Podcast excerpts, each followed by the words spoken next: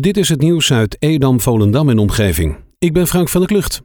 Landelijk gezien zijn er in het eerste halfjaar van 2020 minder voertuigen gestolen dan in het eerste halfjaar van 2019. Maar dat gaat niet op voor de gemeente Edam-Volendam. Daar werden in de eerste helft van dit jaar 11 voertuigen gestolen tegen 5 in dezelfde periode vorig jaar. Dat blijkt uit politiecijfers die het Landelijk Informatiecentrum Voertuigcriminaliteit heeft gepubliceerd. Er worden gezien over Nederland op één dag 33 scooters gestolen, 23 auto's, 4 motoren en 2 aanhangers. De kop is eraf voor FC Volendam. De eerste wedstrijd van de oefencampagne werd zaterdagmiddag met 0-6 gewonnen van VV Woudia. De gastheren uit Westwoud gaven vooral in de eerste helft goed weerstand, maar moesten in de tweede helft toch capituleren. Zondag 26 juli is de volgende wedstrijd in de oefencampagne. Dan komt Vitesse naar het sportcomplex in Westwoud. De brandweer moest gistermiddag in actie komen om een man in Beets uit een defecte hoogwerker te bevrijden. De man was een hoge boom aan het snoeien met behulp van een gehuurde hoogwerker. Op een gegeven moment was er geen beweging meer in de hoogwerker te krijgen. Hulpeloos belde de man de brandweer om hem te redden. De brandweer heeft de hoogwerker handmatig weten te laten zakken tot het dak.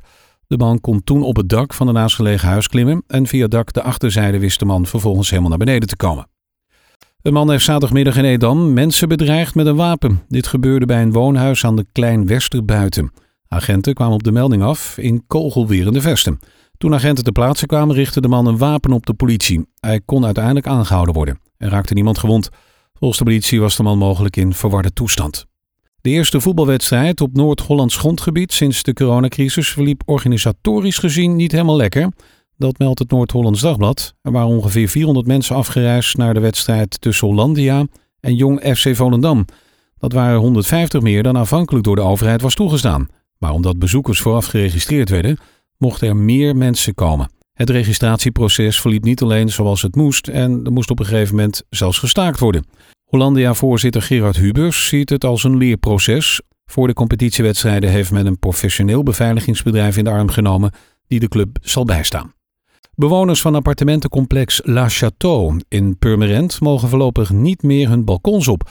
Woningbouwcoöperatie Intermaris heeft bouwfouten in de constructie aangetroffen. Dat meldt het Noord-Hollands Dagblad vandaag.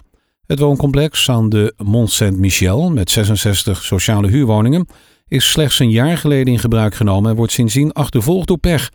Dat begon al bij de oplevering. Vlak voor de oplevering ging de aannemer failliet. Vervolgens werden tal van problemen in en aan het pand ontdekt, waarna de woningcorporatie Intermaris besloot een adviesbureau in te schakelen voor bouwkundig onderzoek. En hierdoor stuitte men op fout in de bouwconstructie van de balkons. Vandaag wordt gestart met het reinigen en inspecteren van de riolering op Marken. Het betreft de gehele oude kern en de werfjes met uitzondering van de nieuwbouwwijk Minnebuurt. Naar verwachting nemen de werkzaamheden zo'n vier weken in beslag. Het verkeer ondervindt geen hinder van deze werkzaamheden. De 42 koopappartementen die gebouwd worden op de Koonstamlocatie Monnikendam zijn in eerste instantie allemaal toegewezen aan belangstellenden die nu ook al in Monnikendam wonen. Het gaat er bijvoorbeeld om jongeren die nog bij hun ouders wonen of mensen die een sociale huurwoning achterlaten.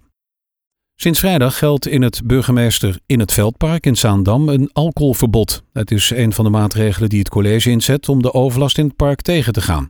De groep mensen die overlast geeft gebruikt dagelijks verdovende middelen, waaronder alcohol. En dat leidt volgens de gemeente Zaanstad tot vernielingen, overtredingen en strafbare feiten. Eerder uiten bijna 200 buurtbewoners al hun bezorgdheid in een brief aan de burgemeester. Volgens Hamming is de overlast erger geworden sinds de coronamaatregelen. Zo meldt het NH Nieuws. Tot zover het nieuws uit Edam, Volendam en omgeving. Meer lokaal nieuws vindt u op de Love Kabelkrant, onze website of in de app.